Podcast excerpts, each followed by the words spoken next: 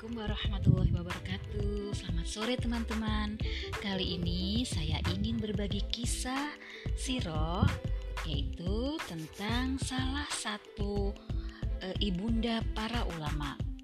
Ibunda ulama terbesar dan ahli tafsir terkemuka yaitu Umul Fadil Lubabah binti Al-Haris radhiyallahu an. Tentang Umul Fadil Nama asli beliau adalah Lubabah binti Al-Haris bin Huzen bin Bajir bin Hilaliyah. Beliau dikaruniai enam orang anak yang mulia dan pandai dan belum ada seorang perempuan pun yang melahirkan laki-laki semisal mereka. Mereka adalah Fadil, Abdullah Al-Faqih, Ubaidillah Al-Faqih, Ma'ad, Ma'bad, Katsam dan Abdurrahman. Lalu siapa suaminya? Suaminya adalah Al-Abbas bin Abdul Muthalib yaitu paman Rasulullah Shallallahu alaihi wasallam. Tentang Al-Abbas. Ia adalah paman Rasulullah Shallallahu alaihi wasallam dan salah seorang yang paling akrab di hatinya dan yang paling dicintainya. Oleh sebab itu, beliau senantiasa berkata, Abbas adalah saudara kandung ayahku. Barang siapa yang menyakiti Abbas sama dengan menyakitiku. Umur Al-Abbas hanya berselisih tiga tahun sebelum Rasulullah Shallallahu Alaihi Wasallam. Jadi masih teman sebaya lah ya dengan Rasulullah. Banyak pendapat yang menyebutkan bahwa Ummu Fadil dalam sejarah Islam menjadi wanita kedua yang masuk Islam Lubabah masuk Islam pada hari yang sama dengan sahabatnya Hadijah binti Khuwailid yang tidak lain adalah istri Muhammad SAW. Sedangkan tentang keislaman suaminya Al-Abbas yang juga paman Rasulullah, para ahli sejarah berbeda pendapat tentang Islamnya Abbas. Ada yang mengatakan sesudah penaklukan Haibar, ada yang mengatakan lama sebelum perang, ada pula yang berpendapat bahwa Al-Abbas sudah masuk Islam sejak awal, hanya saja ia menyembunyikan keislamannya. Pada tahun-tahun awal perjuangan Nabi Shallallahu Alaihi Wasallam menyampaikan dakwah Islam, Abbas selalu melindungi Rasulullah dari orang-orang Quraisy yang hendak mencelakakan beliau. Karena Al-Abbas sendiri adalah mata-mata yang selalu mengirimkan kabar pergerakan Quraisy kepada Rasulullah Shallallahu Alaihi Wasallam saat beliau sudah berada di Madinah, sehingga umat Islam di Madinah selalu siap siaga dan menyiapkan pasukan sebelum kafir Quraisy bergerak. Salah satu kisah yang sangat masyur tentang Ummu Fadil adalah apa yang terjadi pasca Perang Badar. Beliau adalah seorang perempuan yang pemberani dan beriman yang memerangi Abu Lahab si musuh Allah dan membunuhnya pasca Perang Badar. Karena Abu Lahab sendiri tidak ikut berperang, berangkat perang Badar. Abu Lahab tidak dapat menyertai perang Badar dan mewakilkannya kepada Ashbin Hisham bin Mughirah. Begitulah kebiasaan mereka. Manakala tidak mengikuti suatu peperangan, maka ia mewakilkan kepada orang lain.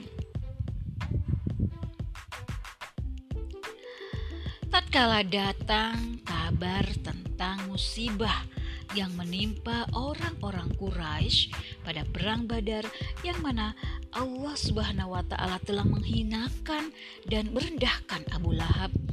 Maka sebaliknya kami merasakan adanya kekuatan dan izah pada diri kami. Tiba-tiba datanglah Abu Lahab dengan berlari kemudian duduk tatkala dia duduk tiba-tiba orang-orang berkata ini dia Abu Sufyan bin Haris telah datang dari Badar. Abu Lahab berkata, Datanglah kemari, sungguh aku menanti beritamu. Kemudian duduklah Abu Sufyan dan orang-orang berdiri mengerumuni sekitarnya. Berkatalah Abu Lahab, Wahai putra saudaraku, beritakanlah bagaimana keadaan manusia dalam perang badar. Abu Sofyan berkata, Demi Allah, tatkala kami menjumpai mereka, tiba-tiba mereka tidak henti-hentinya menyerang pasukan kami. Mereka memerangi kami sesuka mereka dan mereka menawan kami sesuka hati mereka. Demi Allah, sekalipun demikian tatkala aku menghimpun pasukan, kami melihat ada sekelompok laki-laki yang berkuda hitam putih berada di tengah-tengah manusia. Demi Allah, mereka tidak menginjakkan kakinya di tanah. Abu Rafi berkata, Aku mengangkat batu yang berada di tanganku, kemudian berkata, Demi Allah, itu adalah malaikat. Tiba-tiba, Abu Lahab mengepalkan tangannya dan memukul aku dengan pukulan yang keras karena aku telah membuatnya marah. Kemudian dia menarikku dan membantingku ke tanah. Selanjutnya dia dudukkan aku dan memukuliku sedangkan aku adalah laki-laki yang lemah. Tiba-tiba berdirilah Ummu Fadil mengambil sebuah tiang dari batu kemudian beliau pukulkan dengan keras mengenai kepala Abu Lahab sehingga melukainya dengan parah. Ummu Fadil berkata, saya telah melemahkannya sehingga jatuhlah kredibilitasnya. Kemudian bangunlah Abu Lahab dalam keadaan terhina. Demi Allah, ia tidak hidup setelah itu melainkan hanya tujuh malam hingga Allah Subhanahu wa taala menimpakan kepadanya penyakit bisul yang menyebabkan kematiannya. Begitulah perlakuan seorang perempuan mukminah yang pemberani terhadap musuh Allah Subhanahu wa taala sehingga menjadi gugurlah kesombongannya dan merosotlah kehormatannya karena ternoda.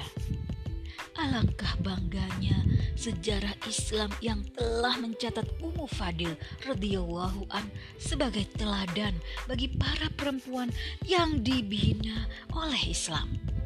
Kalau kita Kira-kira berani nggak ya?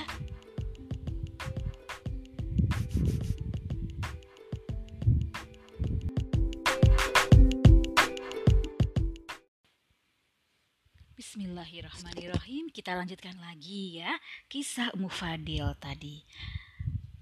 Ibnu Sa'ad menyebutkan di dalam At-Tabaqat Al-Kubra bahwa Ummu Fadil suatu hari bermimpi dengan suatu mimpi yang menakjubkan sehingga ia bersegera untuk mengadukannya kepada Rasulullah Shallallahu Alaihi Wasallam. Ia berkata, Wahai Rasulullah, saya bermimpi seolah-olah sebagian dari anggota tubuhmu berada di rumahku. Rasulullah Shallallahu Alaihi Wasallam bersabda, mimpimu bagus. Kelak Fatimah melahirkan seorang anak laki-laki yang nanti akan engkau susui dengan susu yang engkau berikan buat anakmu. Ummu Fadil kemudian keluar dengan membawa kegembiraan karena berita tersebut.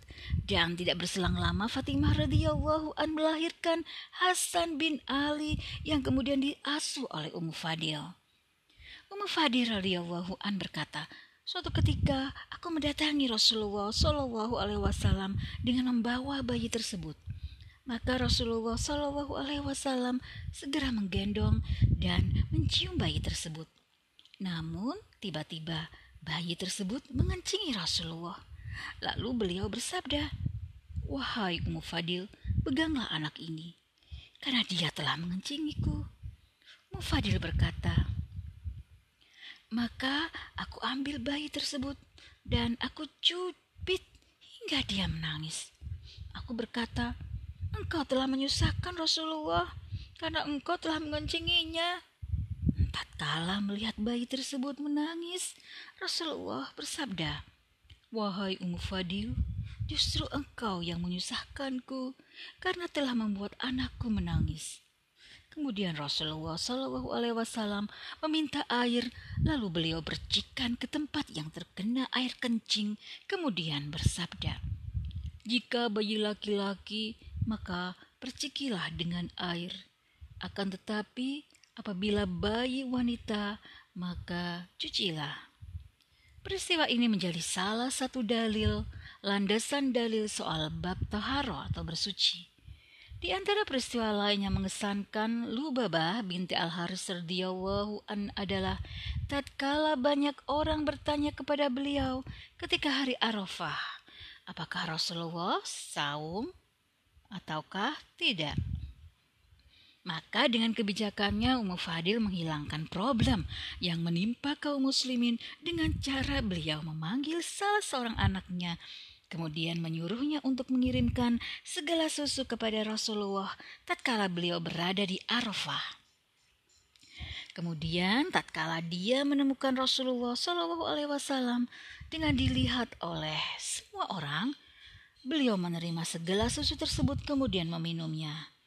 Berarti Rasulullah Shallallahu Alaihi Wasallam sebagai jemaah haji nggak puasa di hari Arafah. Masya Allah, tidak sekali ya cara Ummu Fadil memecahkan masalah ini. Ummu Fadil termasuk perempuan yang berkedudukan tinggi dan mulia di kalangan para perempuan muslimah. Rasulullah Shallallahu Alaihi Wasallam terkadang mengunjungi beliau dan terkadang tidur siang di rumahnya. Beliau meriwayatkan sebanyak 30 hadis, Masya Allah. Adapun yang meriwayatkan dari beliau adalah sang putra beliau, Abdullah bin Abbas radhiyallahu an yang dijuluki oleh Khalifah Umar bin Khattab sebagai ulama umat ini. Shh. Lalu akan kita didik dan siapkan anak-anak kita menjadi apa nantinya. Insya Allah. Demikian kisah Siro kali ini. Nah, kita lanjutkan dengan kisah Siro lainnya di lain waktu. Assalamualaikum warahmatullahi wabarakatuh.